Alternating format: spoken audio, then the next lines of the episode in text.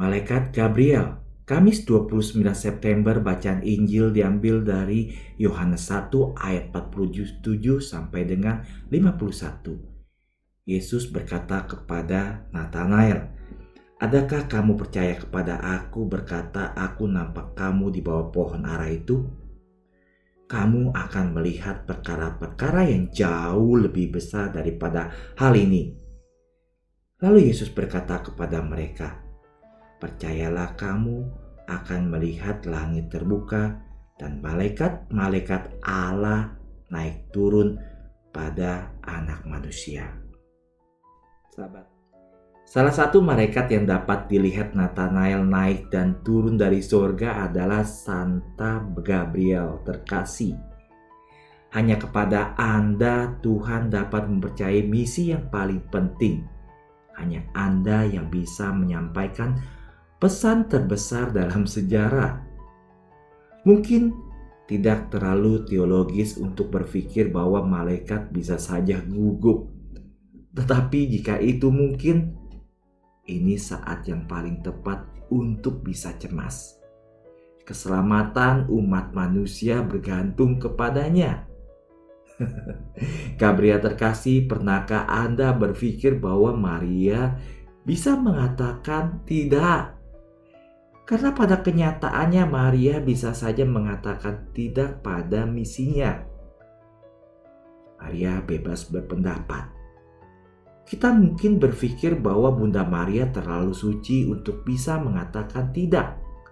Namun, kehebatannya adalah Maria Hawa kedua bisa berkata tidak kepada Tuhan, tetapi dia malah mengatakan ya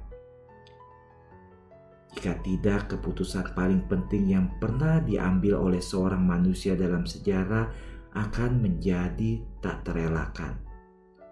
Seolah-olah Tuhan memasak kita, aku akan menebusmu suka atau tidak suka.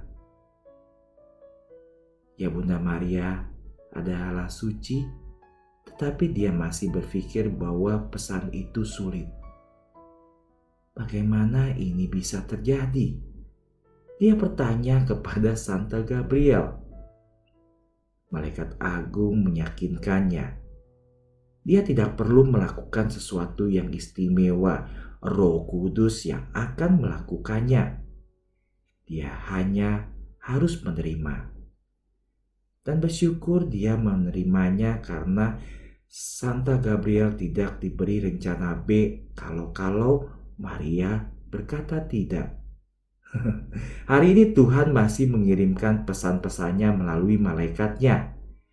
Jutaan orang diberi kesempatan untuk menerima rencana Tuhan bagi mereka, Anda, dan saya juga.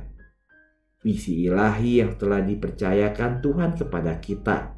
Seperti bunda kita, kita tetap bebas untuk mengatakan ya atau tidak.